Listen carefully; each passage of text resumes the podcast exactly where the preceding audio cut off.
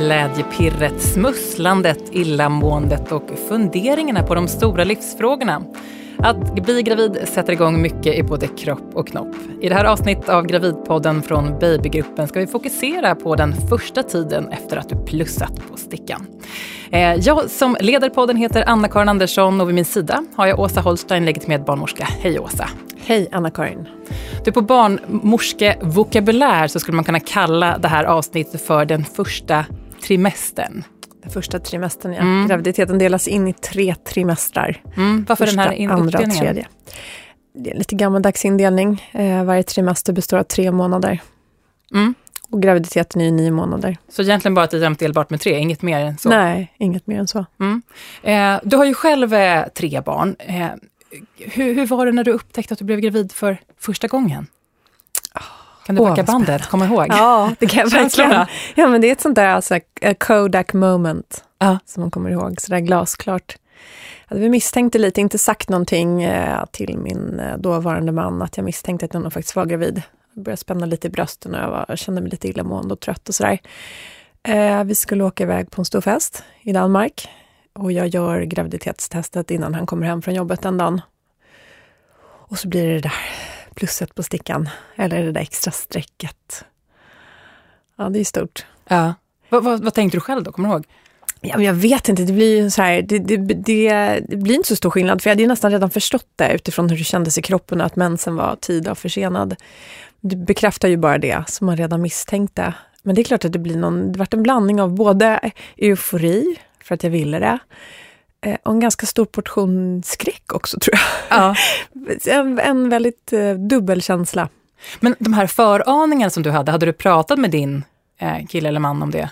Ja, jag hade nog nämnt det lite sådär, men inte jättemycket. Men ni försökte bli med ja, barn? Det var inte precis. Så när vi försökte bli med barn, jag hade trott att jag hade varit gravid flera gånger innan och så hade det inte varit det.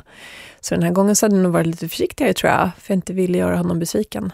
Men hade du gjort test innan också som då inte oj, hade blivit oj, oj, Jag har gjort så många graviditetstest. så jag skulle kunna haft ett bonuskort. Ja, jo, det hade jag gjort. ja.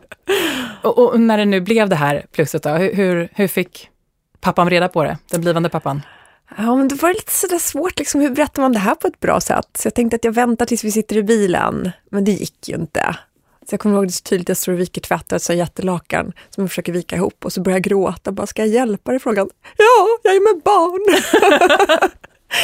men varför kom de här tårarna då? Jag vet inte. Nej, men för att det är så känslosamt, för att man längtar efter och sen så helt plötsligt, då är det liksom på ja. riktigt. Nu är det så här. Mm. Jag är med barn, vi mm. är med barn, vi ska ha barn. Mm. Och hur reagerade han?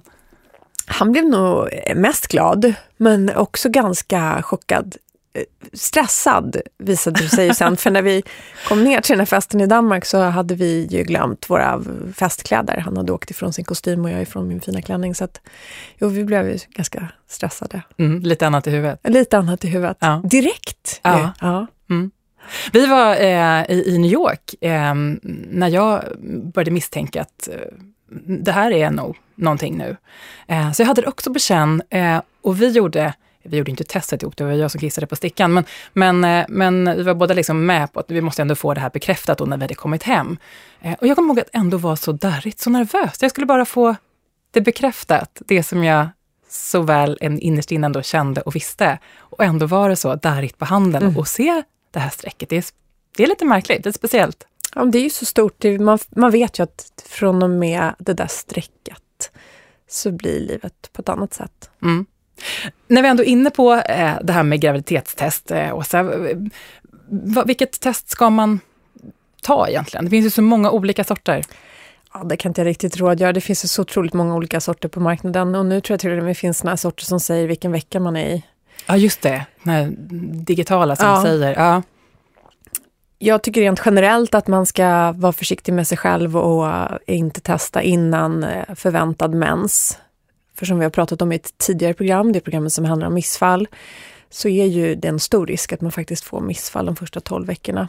Um, vilket test som helst. Mm. RFSU har väldigt bra produkter generellt tycker jag, säkra tester. Men när du säger det här missfallsrisken, när ska man göra testet då tycker du? För den kan, om du säger 12 veckor, ja. måste, man måste göra testet innan dess. Ja, nej men gör testet när du förväntar dig att, som tidigast skulle jag säga, den dagen eller dagen efter du förväntar dig att du skulle ha din mens. Mm. Men man kan ju med fördel vänta en eller två veckor efter eh, det att man skulle haft sin mens med att göra testet. För att det skulle kunna ge ett utslag som sen inte blir något mer, så man inte blir besviken, eller hur, hur tänker du? Det, jag tänker så att, att det är väldigt vanligt att det blir ett tidigt missfall, kanske redan vecka fem eller vecka sex, som då skulle tagit sig uttryck som en försenad mens. Mm. Och genom att vänta lite så kanske man skyddar sig själv lite från den här enorma glädjen och den här stora sorgen som blir sen. Mm. Och bara istället få en lite försenad mens. Mm. Men nyfikenheten är ju stor, du är ju själv ja, inne på hur många herregud, test du har köpt ja, och gjort. Absolut, den är man, enorm. Ja. Men så är det ju. Mm. Men det finns ju olika prisklasser. Eh, ett billigare test, eh, finns det någon, alltså i tillförlitlighet, finns det någon skillnad där? Nej, det tror jag inte. Alla testerna som finns på marknaden har hög tillförlitlighet. Mm. ja, 98-99 procents tillförlitlighet. Mm om man nu vill ha barn så får man det här plusset eller två strecken, lite olika hur, hur man markerar det positiva resultatet. Vad gör man med testet? Ska man spara det eller? det där är ju jätteroligt. Jag la ut det på Facebook faktiskt och kollade om hur, hur, länge man kan spara och är det någon som har sparat? Och jag fick så mycket svar. Jaha, vad har folk gjort Förvånansvärt många har sparat. Eh, men det är eh, urin på stickan, är inte det lite äckligt? Ja, men det torkar väl in. Ja. jo, men lite äckligt är det ju. Ja. och ganska roligt. Eh, det ligger ju, det blir, man sätter ju på en plasthylsa, man tar bort en plasthylsa och kissar på den där filtpinnen eller vad det nu är. Och sen kan man ju sätta på den där plasthylsan igen. Men den som hade sparat det längst hade ett test från när hon testade, och det var 19 år sedan och det var fortfarande streck på. Ah, 19-åringen ja. går runt hemma och sen så har man Precis, det första lilla tecknet också tecknet. kvar i byrålådan. Det var ingen riktigt som svarade på min fråga, vad, vad, tänker ni göra med testen? Någon hade haft någon tanke om att sätta i en sån här baby scrapbook, men eh, kom på att kanske sonen skulle tycka att det var lite äckligt, så hon sket i det. ja. Att, eh, men det ha, har du kvar dina? Nej, jag har inte det. Och Nej. då kände jag när jag fick de där svaren att shit, det där kanske man skulle sparat på. Men det har jag inte gjort. Har du gjort det? Nej, jag har inte mina test, test kvar. Nu, många väntar med att, att berätta om, om plusset på stickan till eh, vecka 12. Eh, det är som en liten så här oskriven regel och du var inne på det redan nu när man skulle göra testet om, om den här eh, missfallsrisken som väl ligger bakom att man väntar ja, oftast, eller? Det, det, det, tror jag är den största anledningen till att man väntar med att berätta. Mm. Att man verkligen vill vara säker på att det blir en graviditet. Mm. Uh, och, men där gör man, man gör precis som man själv vill. Gå på din egen känsla. Eh, och det kan väl vara bra om man har pratat ihop sig i paret också tycker jag, så att man håller samma linje. Så att inte den ena tycker att det är jätteviktigt att man är hemlig, medan den andra basunerar ut det till hela världen. Nej, just det. det kan ju bli en schysst konflikt av det. Men de här första eh, 12 veckorna, om man då väljer att hålla det hemligt, eh, kan ju bli lite sådär hemlighetsfulla och tisslande och tasslande. Eh, och en grej som eh, många eh, märker det på, det är ju om man dricker alkohol i sammanhang på middagar och andra sociala eh, tillfällen. Där man inte kan ta det här glas vinet till maten och direkt Just är det. folk på. Särskilt när man är i den här mm, barnalstrande åldern. Just det, precis. Jag Visst. håller falkögon på. Det kan ju eh. vara problematiskt. Ja. ja men det, det, där pratade jag med en, en god vän till mig om. Hon, hon, hade varit, hon har varit väldigt hemlig båda sina två graviditeter kom en hel del bra tips faktiskt. Jaha, hur gjorde hon då? Hennes eh, första tips var att säg aldrig nej till alkohol, för då börjar folk genast och undra, varför ska inte du dricka för då? Är det med barn eller? Men vadå, hon drack ändå eller hur gjorde hon? Nej, utan om det var så att hon hamnade i en situation så tackade hon ja till ett glas vin mm. och så, bara, så drack hon inte, eller liksom ställde bort det eller gav bort det lite snyggt till någon annan. Men om hon skulle ut eh, med kollegor eller så, kanske gå på restaurang, så såg hon till att vara där lite innan. Mm. beställa i baren innan något alkoholfritt och göra en deal med bartendern eller kyparen att när hon beställer, jag vill ha det som jag tog innan, så skulle ah. hon få den där ah. alkoholfria drinken eller vinet. Som hon står där med tranbärsjuicen ja, eller vad det kan vara innan? Ja, det, det hon sa, tranbärsjuice var ju klockrent. Mm. Eller typ en alkoholfri mojito eh, med Sprite och, och lite ah, myntablad och massa is. Och sen bara samma. Ja, så, så bara lite, samma. Så då har man liksom en deal med sin partner och med kyparen i baren. Ja, precis. Ja, Jag tyckte det, det var väl, Man väljer vilken man vill anförtro sig till. Vi ska snart gå in på vanliga symptom och förändringar hos den som är gravid. Men jag tänkte vi skulle börja med sant eller falskt nu. Är det okej, okay, Åsa? Kör. Du är beredd. Eh, här radar jag upp lite olika påståenden och så, så får du helt enkelt då bekräfta eller dementera om, om det stämmer. Eh, jag är i vecka sju och mår så illa att jag snarare går ner i vikt än ökar. Det är farligt för fostret. Sant eller falskt? Det är falskt. Fostret tar det den behöver, eller det, det fostret behöver för att kunna fortsätta växa. Så det behöver du inte vara orolig för. Påstående nummer två. Min arbetsgivare håller på med en omorganisation och jag är skyldig att berätta på jobbet att jag är gravid så snart jag fått det bekräftat med ett gravtest. Du har ingen skyldighet att berätta för din arbetsgivare att du är gravid. Och sen kan det också vara så att det faktiskt inte blir en graviditet om du har otur, utan får ett missfall. Eh, det är väl schysst att ha en bra konversation eller, eller dialog med sin arbetsgivare, så att arbetsgivaren kan planera. Men eh, du har ingen skyldighet att berätta att du är gravid. Jag som är gravid är cool, men min sambo har blivit nervös och nojig. Ja, så kan det vara. Sant eller falskt? Sant. Det är klart att det kan vara så. Mm. Ja. Är nygravid och fullkomligt smäller i mig saltlakrits och citrusfrukter. Och det här är troligtvis craving som kommer att hålla i sig nu i månaderna nio. Sant eller falskt? Det är väl både och. det är lite sant, låter det som att det skulle kunna vara cravings. Oftast så håller de inte i sig hela graviditeten, utan i början. Eh, och citrusfrukterna kan du köra på, men lakritsen ska du ta det lugnt med. Okej. Eh, jag gläds verkligen åt att vara med barn, så jag måste söka hjälp nu för att jag trots det så ofta gråter. Sant eller falskt? Nej, det är falskt. Du behöver inte söka hjälp för det. Det är ett helt eh, normalt graviditetsbeteende. Att man både är glad och ledsen och eh, har alla möjliga känsloyttringar. Jag var ute på en rejäl festakväll precis innan jag fattade att jag var med barn, så embryot i magen kommer att utvecklas långsammare eller kanske dö på grund av mitt höga alkoholintag. Sant eller falskt? Det är falskt. Det är okej. De flesta har varit ute på en superkväll innan de vet att de är gravida. det blir jättefina barn ändå. Men ta efter din kompis råd efter det kanske och beställ trombatjosen. Precis. Nu tänkte jag att vi går in på lite vanliga nygravidssymptom här i Gravidpodden från Babygruppen. Eh, Åsa Holstein, legitimerad barnmorska, eh, som eh, sitter inne med de flesta svaren här. Om vi tar de fysiska tecknen först. Eh, många blir ju illamående när de är eh, gravida och har blivit det precis. Varför det? Det är ett av de vanligaste graviditetssymptomen, just illamåendet som kan kicka igång rätt så omedelbart. Eh, det beror på den ökade hormonfrisättningen som graviditeten för med sig. Hur illa kan man må då? Man kan må jävligt illa. Mm. En, del det menar ju, en del kräks ju flera gånger varje dag eh, och, och, det vanligaste är väl att det brukar avta någon gång vid vecka 12. Men en del kräks fram till vecka 20, en del kräks hela graviditeten. Mm. Ska man ta det på, på allvar och söka hjälp eller ska man bara hantera de här kräkningarna? Hur ska man Nej, men, oftast så är det inte allvarligt, varken för dig eller för fostret. Det finns ett fåtal kvinnor som får någonting som heter hyperemesis. Och då kräks man så mycket så att man inte kan behålla vätska och på så sätt blir man intorkad och det är ju inte bra. De kan behöva sjukhusvård och få intravenös vätska, men det är väldigt ovanligt. Annars, det man kan göra för att må mindre illa, eh, det finns alla möjliga små tricks. Mm. Det kan till exempel vara att man äter någonting innan man går upp tidigt på morgonen. Som första, innan liksom, man går upp? Ja, man tar någon liten macka eller skorpa vid, vid, vid sidan av sängen. Ja, ja, okay. Börja liksom med någonting så man får någonting i magen innan man går upp. Mm eh, stress, försöka undvika stress i den möjligaste mån. Eh, hålla ett jämnt blodsocker, väldigt bra. Försöka äta lite ofta, mm. eller långsamma kolhydrater. Eh, man kan prova att undvika stark mat. En del mår mindre illa om man äter mer kokt mat än stekt mat. Det finns ju såna åksjukarmband man kan prova. prova okay. på apoteket. Mm. Akupunktur hjälper en del. Och sen finns det också receptfria läkemedel på apoteket som heter Postafen. Men där ska man alltid prata med sin barnmorska först och rådgöra med henne. Okej.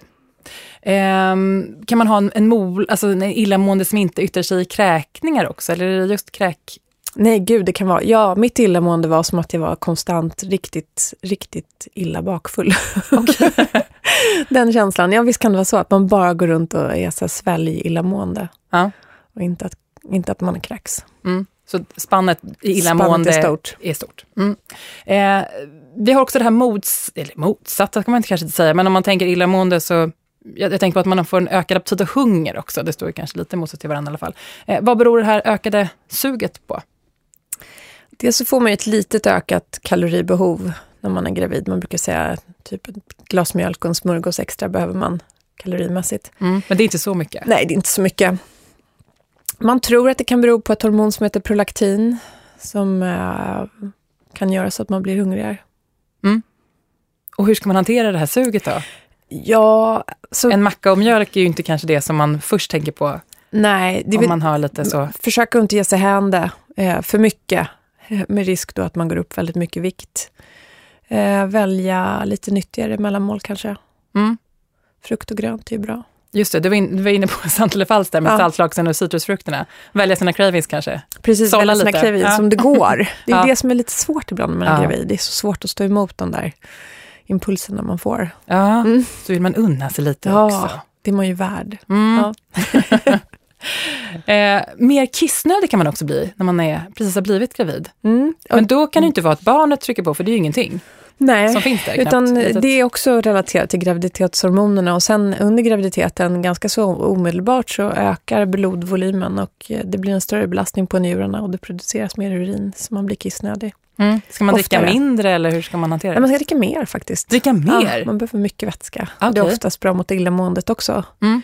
Många kvinnor är kissnödiga hela graviditeten och sen ju större livmodern blir, ju mer plats den tar, desto mer trycker den på urinblåsan också, så blir man kissnödig därför. Eh, själv så hade jag total koll på stan, var alla så här bra lättillgängliga toaletter fanns. det gick typ så här, ja, en timme så behövde man gå och kissa. Precis, en toalettradar, ja, helt ny. ja.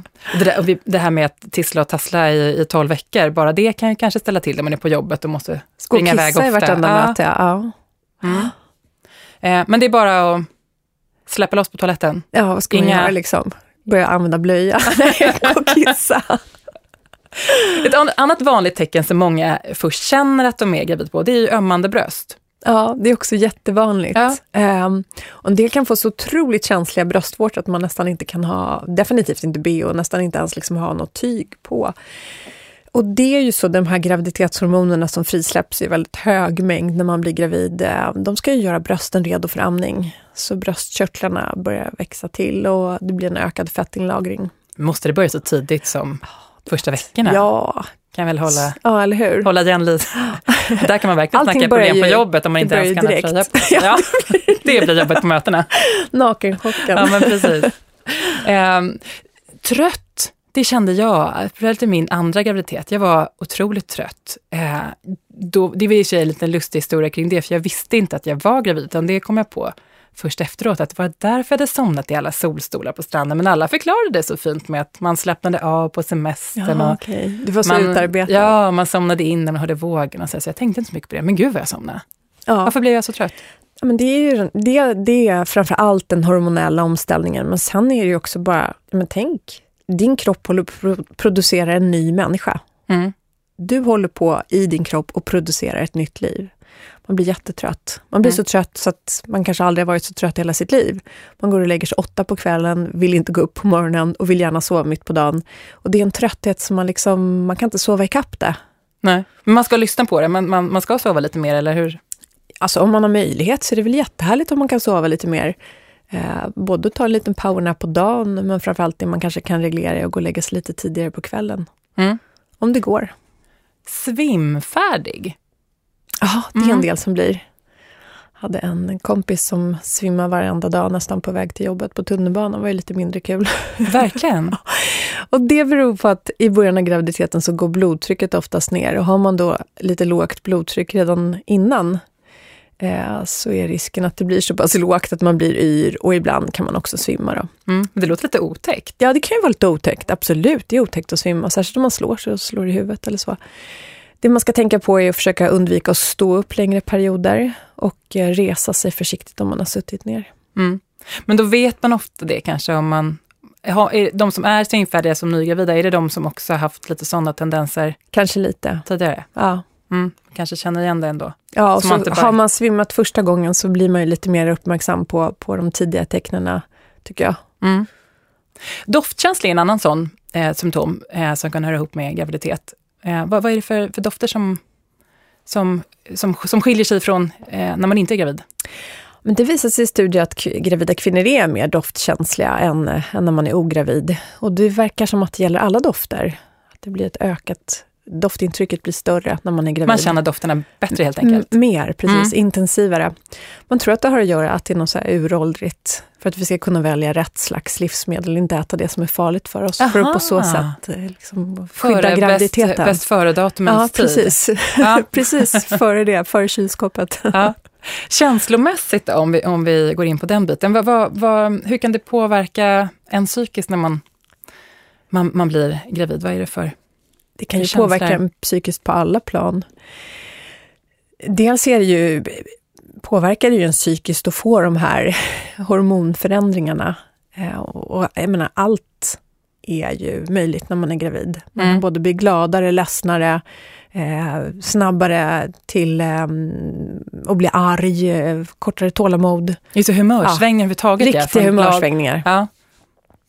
Det är det, det är ofta så mm. när man blir gravid. Och det är bara kanske att vara lite vaksam på det, så man vet att... Eh... Inte dra så stora växlar på det, tror jag. Okay. Utan tänka att liksom, okej, okay, nu vart jag så arg för det här.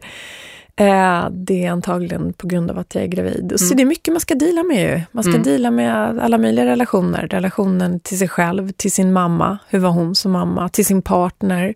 Hur ska jag bli stora, som förälder? Så stora livsfrågor. Enorma livsfrågor är det ju. Ja. Det är just det här med, som du nämner till, till eh, ens egna eh, föräldrar. Hade du några sådana funderingar? Ja, verkligen. Ja. funderade jättemycket på hur min mamma hade varit när jag växte upp och hur jag själv ville bli som mamma. Det tror jag nästan alla kvinnor gör, och även männen.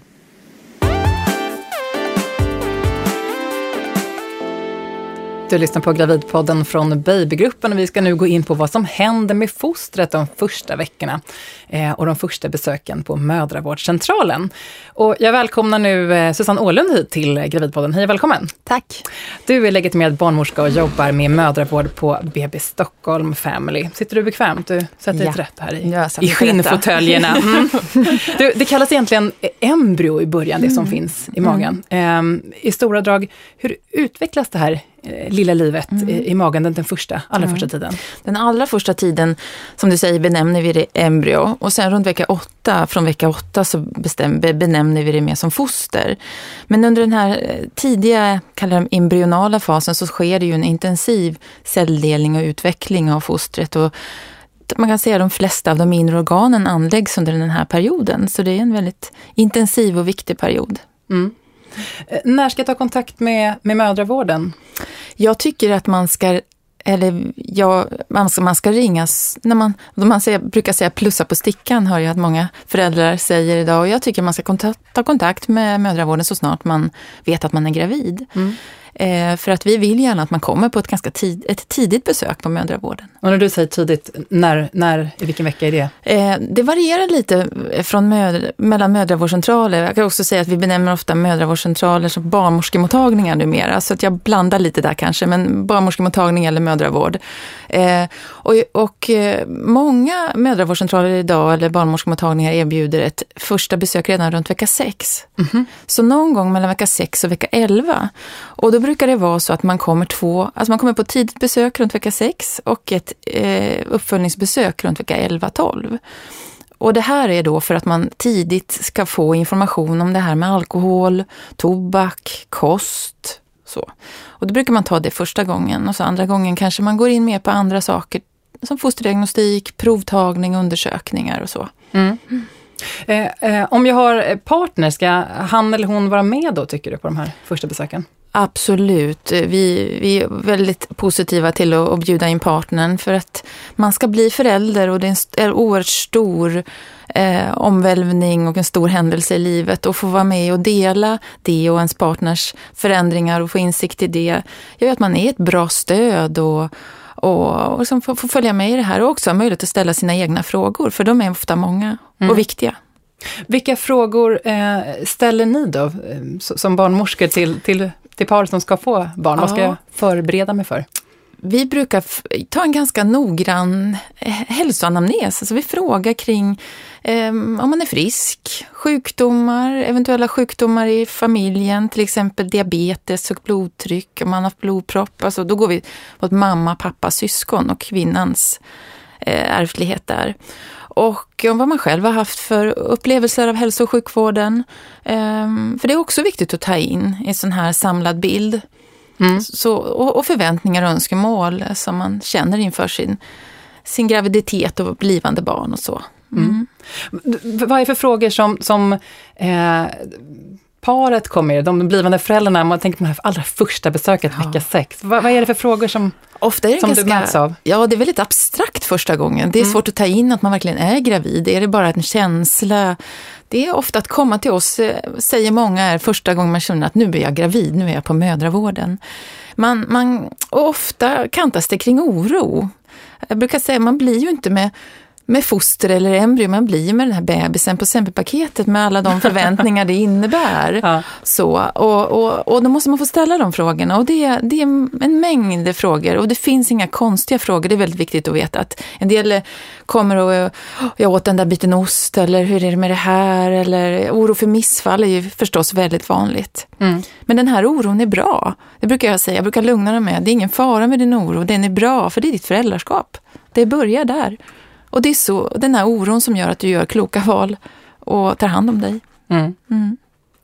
Eh, sen kommer man då till det andra besöket, som du sa, mer i vecka 11, vecka 12 någonstans. Mm. mm. Eh, vad, vad händer vid det besöket?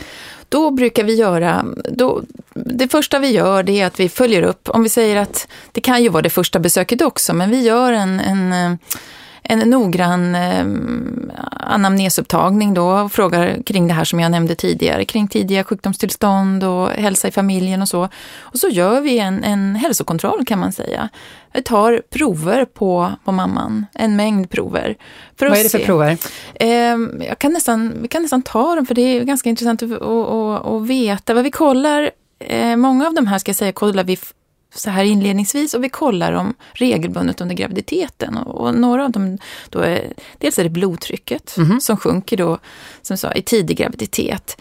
Eh, vi vill följa det blodtrycket och se att det håller sig stabilt under graviditeten. Det är väldigt viktigt. Varför är det så viktigt då? Man kan drabbas Fortfarande har vi en, en allvarlig komplikation som heter havandeskapsförgiftning. Det är väldigt ovanligt. Eller högt blodtryck kan man också få, men framförallt havandeskapsförgiftning kan leda till en allvarlig komplikation. Men man pratar om ungefär 2-3 procent som får den svårare formen. 5-7 procent kan få lite högt blodtryck. Ehm, det är viktigt att se det här för det kan påverka cirkulationen till barnet. Och det kollar vi varje gång. Så fort man kommer in på mödravårdscentralen eller barnmorskemottagningen så tar vi ett blodtryck. Mm. Mm. Och om man har den här oron i kroppen, där kan man inte Får man inte högt blodtryck bara det? En del har det, det vet vi. På hög puls. ja, vi brukar säga, kom du en kvart innan och sätt dig ner och vila, för då, då sjunker blodtrycket. Du fnissar då, så känner du igen det? Eller? Ja, ja, gud. Ja, eller också så, så behöver du ligga ner en stund eller så. För det är en stor, det är en stor grej när man kommer. Mm. Sen kollar vi blod, blodvärdet, alltså järnvärdet, som man brukar säga eh, när man pratar allmänt om det. Men, men vi vet att eh, blodvärdet, eller järnvärdet sjunker och väldigt många kvinnor har järnbrist. Ungefär en tredjedel av kvinnor i fertil ålder har järnbrist. Så vi följer upp det genom ett HB och vi kollar också idag depåerna av järn, någonting som heter serumferritin som man kollar, så man ser vilka nivåer av järn man har i kroppen och sen ordinerar vi utifrån det. Och väldigt många kvinnor behöver äta järn under mm. graviditeten. Vi kollar blodsocker Eh, och det gör vi också då inledningsvis och varje gång, un, nästan varje gång, men väldigt regelbundet under graviditeten.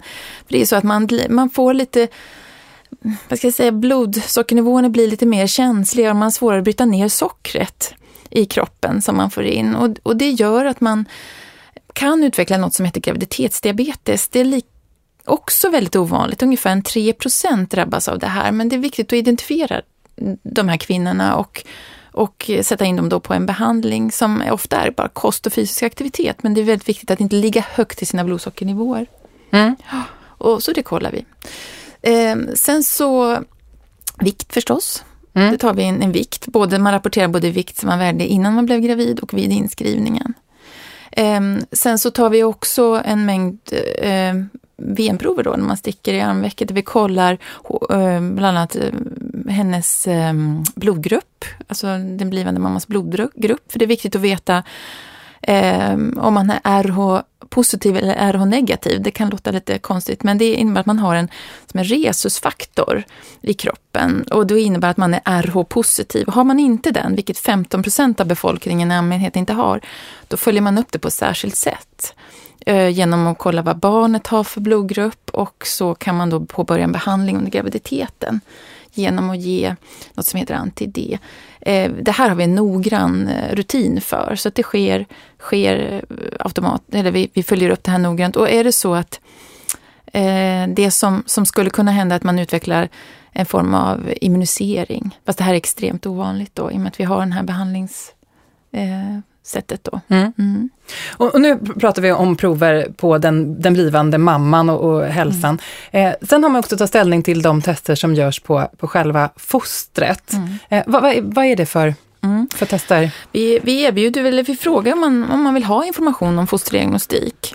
Eh, och eh, då har vi olika, lite olika riktlinjer kring det. Man menar ju att för en kvinna som är något äldre när de förväntar sitt, sitt barn från 35 år och uppåt erbjuder man bland annat utökat, eh, en utökad fosterdiagnostik i form av, det kallas för kubtest. Mm. Ehm, och där kan man skrina om barnet skulle kunna ha en kromosomförändring till följd av ålder. Um, och det innebär att man tar ett blodprov på mamman mellan vecka 9 plus 0 till um, uh, 9 plus 0 till 12 plus 6 och så tar man ett ett... Eh... Och för att förtydliga här nu bara, när du säger 9 plus 0, det är veckor du räknar och så ja, dagar. Just det, låter konstigt. Ja, precis. Så vi är med i, i hur, hur, ja. hur, vi benämner de här. Man kan egentligen ta det provet längre fram från 9 plus 0, det är, alltså i Nio fosterutvecklingen. Veckor. Mm, ja. precis. Och sen... Och, och sen så tar man då ett ultraljud mellan vecka 12 plus 0 och 13 plus 6. Mm. Och det innebär att... Förstår ni varför jag frågar? Ni, är så, ja. ni barnmorskor sitter ja, här och det är ju en slänger det där. med de här 13 ja. plus. Det är de här exakta veckorna och dagarna och sen om jag är, om jag är i vecka 9 plus noll, ja men då är jag i tionde veckan. Ja. Och så är det ja, trimestrarna och så är det månaderna och ja. det är ju inte klokt va? Vad förvirrande det är faktiskt. Ja, vår, mammorna pratar om månader och vi pratar, vi pratar om trimestrar. och, vi pratar egentligen bara så här ja. 9 plus 2, ja. 13 plus 1.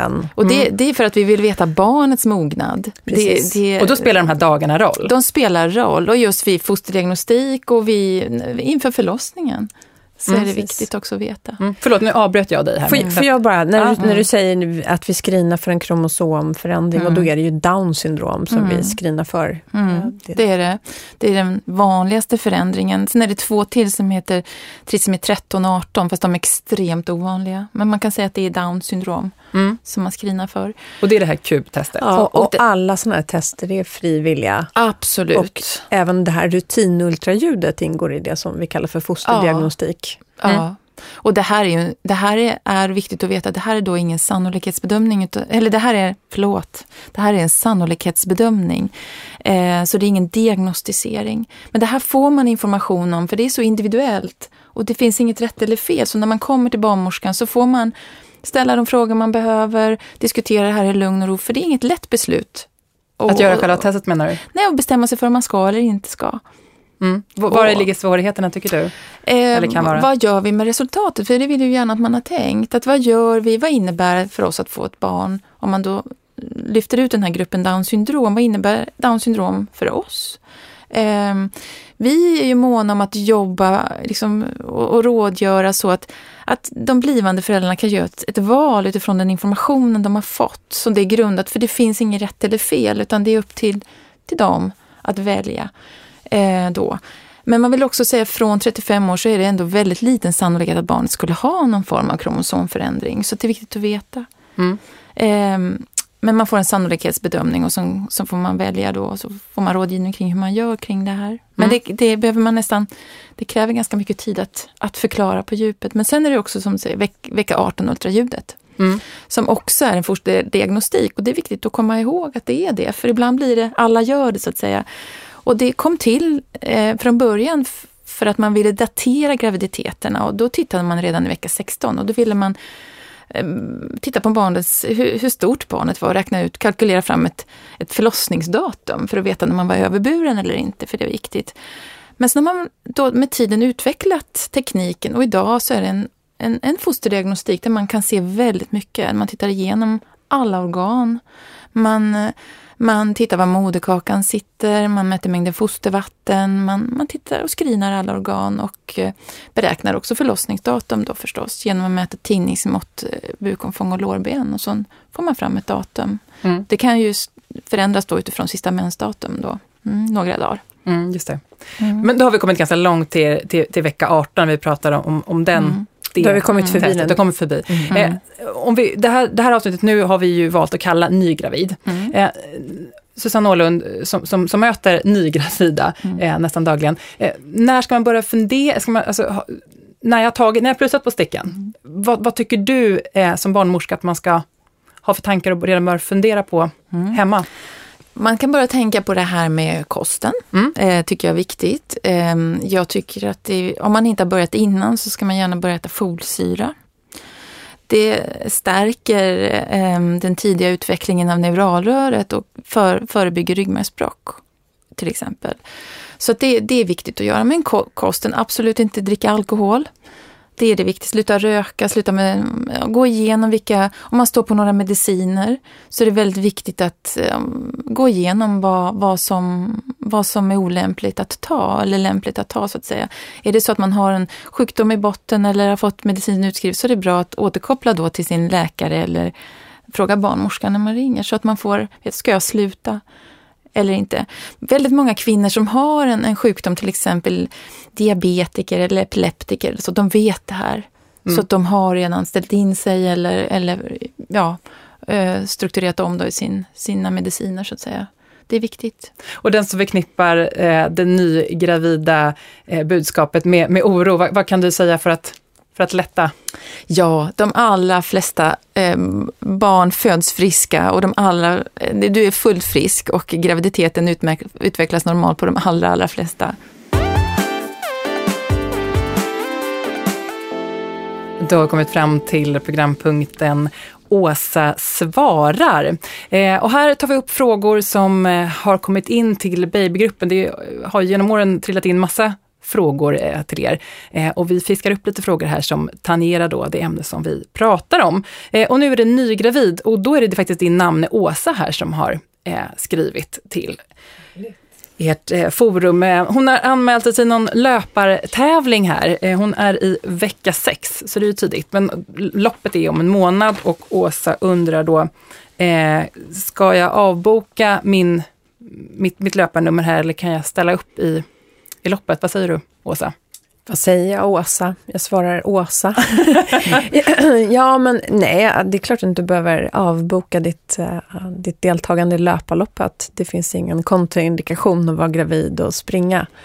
Däremot så tvärtom så rekommenderar vi ju att man tränar under graviditeten. Har man inte tränat innan så är det ett ypperligt tillfälle att börja. Eh, och, det spelar ingen roll även om Åsa skulle ha, det framgår ju inte hur duktig hon är eller vilket lopp hon ska anmäla sig till, men att det spelar ingen roll hur, hur snabbt hon springer eller hur... Nej, det finns ingen fara för graviditeten, men hon får väl lyssna på kroppen och springa i det tempot som känns bekvämt för henne då, fyra veckor längre fram i graviditeten. Mm. Och så får hon lyssna på Gravidpoddens ja. avsnitt som handlar just om ja. träning. Det är ett tips Precis. till Åsa. Mm. Gör det, Åsa.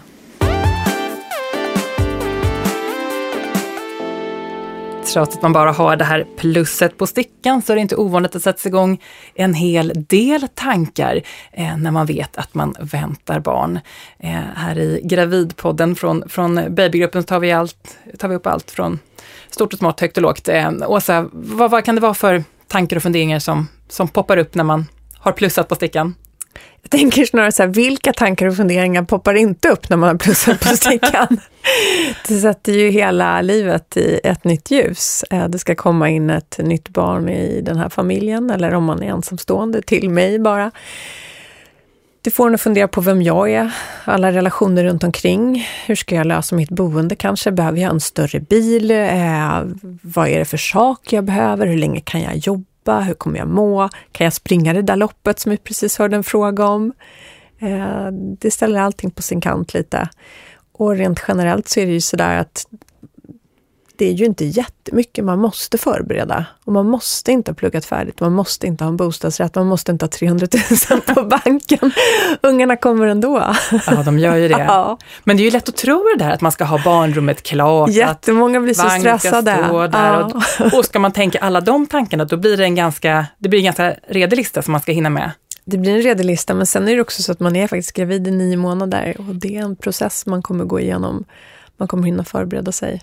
Ja, och sen när man har fått eh, barnet, då inser man ju också att kanske inte allting eh, behövde vara på sin plats. Eh, jag kan bara gå till mig själv som då eh, såg framför mig då hur var väldigt bråttom. Mina föräldrar åkte hem, för mitt första barn kom väldigt tidigt. Och vi hade inte fått upp den här gamla 70-tals spjälsängen. Så mina Oj, föräldrar står ju då, och skruvar ja. när de får höra att den här, här, den här sonen har kommit då tre mm. veckor tidigt. Eh, så då står ju sängen fin och klar när man kommer hem med lilla, lilla byltet. Som kanske inte låg där i den sängen, kan man säga, första Nej, eh, mitt mitt hetaste tips som nygravid är att ta det lugnt, stressa ner. Det är det bästa du kan göra för dig själv och din graviditet. Ja. Men det väcker också tankar om hur man ska vara som förälder redan från nästan, nästan plus på stickan. Känner du inte igen det? Jo, men jag tror kanske till och med att de där tankarna hur man ska vara som förälder, det har man redan innan man har plussat på stickan. Väldigt mycket tankar, mycket tankar vad man inte ska göra tycker jag. Ja. Så där ska inte jag vara som förälder. Eh, jag vet att jag tänkte de där barnen som lägger sig raklånga i kassan på Konsum och bara skriker, typ en treåring kanske. Mm mamman står där lite, eller pappan står där och är helt svettiga och röda och, och ungen skriker ändå. Sån där unge skulle jag inte ha. Och jag hade massa tankar kring vad jag skulle göra för att inte få en sån unge. Jag skulle vara väldigt konsekvent och jag skulle vara tydlig och jag skulle vara sådär. Men jag kan säga att ju fler barn jag har fått, desto fler principer jag har släppt på. Och, att och desto fler barn ligger och skriker på, på ICA. Ja, alla barn har legat och skrikit på ICA. Så att, eh, eller vad säger du? Susanne? Absolut, jag har också sådana upplevelser som jag minns, det är ett tag sedan, men hur jag tänkte att jag aldrig skulle göra och hamnade i. Ja. Och fortfarande eh, så hör jag mig själv säga saker som jag lovar mig själv att aldrig säga. Ja. ja. Så egentligen är det lite roligt, ja. som ett tips som ny gravid, skriv ner dina ja. tankar. Hur du ska bli som förälder. Bocka av vilket du... Ja, öppna den när ungen fyller fem och se, mm. hur blev det? Hur vart jag som förälder? Jag tror vi ska vara lagom bra. Jag tror det farligaste är perfekta föräldrar. Jag tror vi ska vara lagom bra. Jag tröstar mig med det ibland. Ja, good enough. Lägg ribban på en skön nivå. Och med de härliga orden så tycker jag vi avslutar Gravidpodden för den här gången. Eh, Gravidpodden leds av mig som heter Anna-Karin Andersson. Och av mig som heter Åsa Holstein och är barnmorska. Och så tackar vi Susanne Ålund för att du ville vara med. Tack, Tack för mycket. Komma. Och eh, Gravidpodden från Babygruppen görs av produktionsbolaget Munk. Tack och hej! Hej!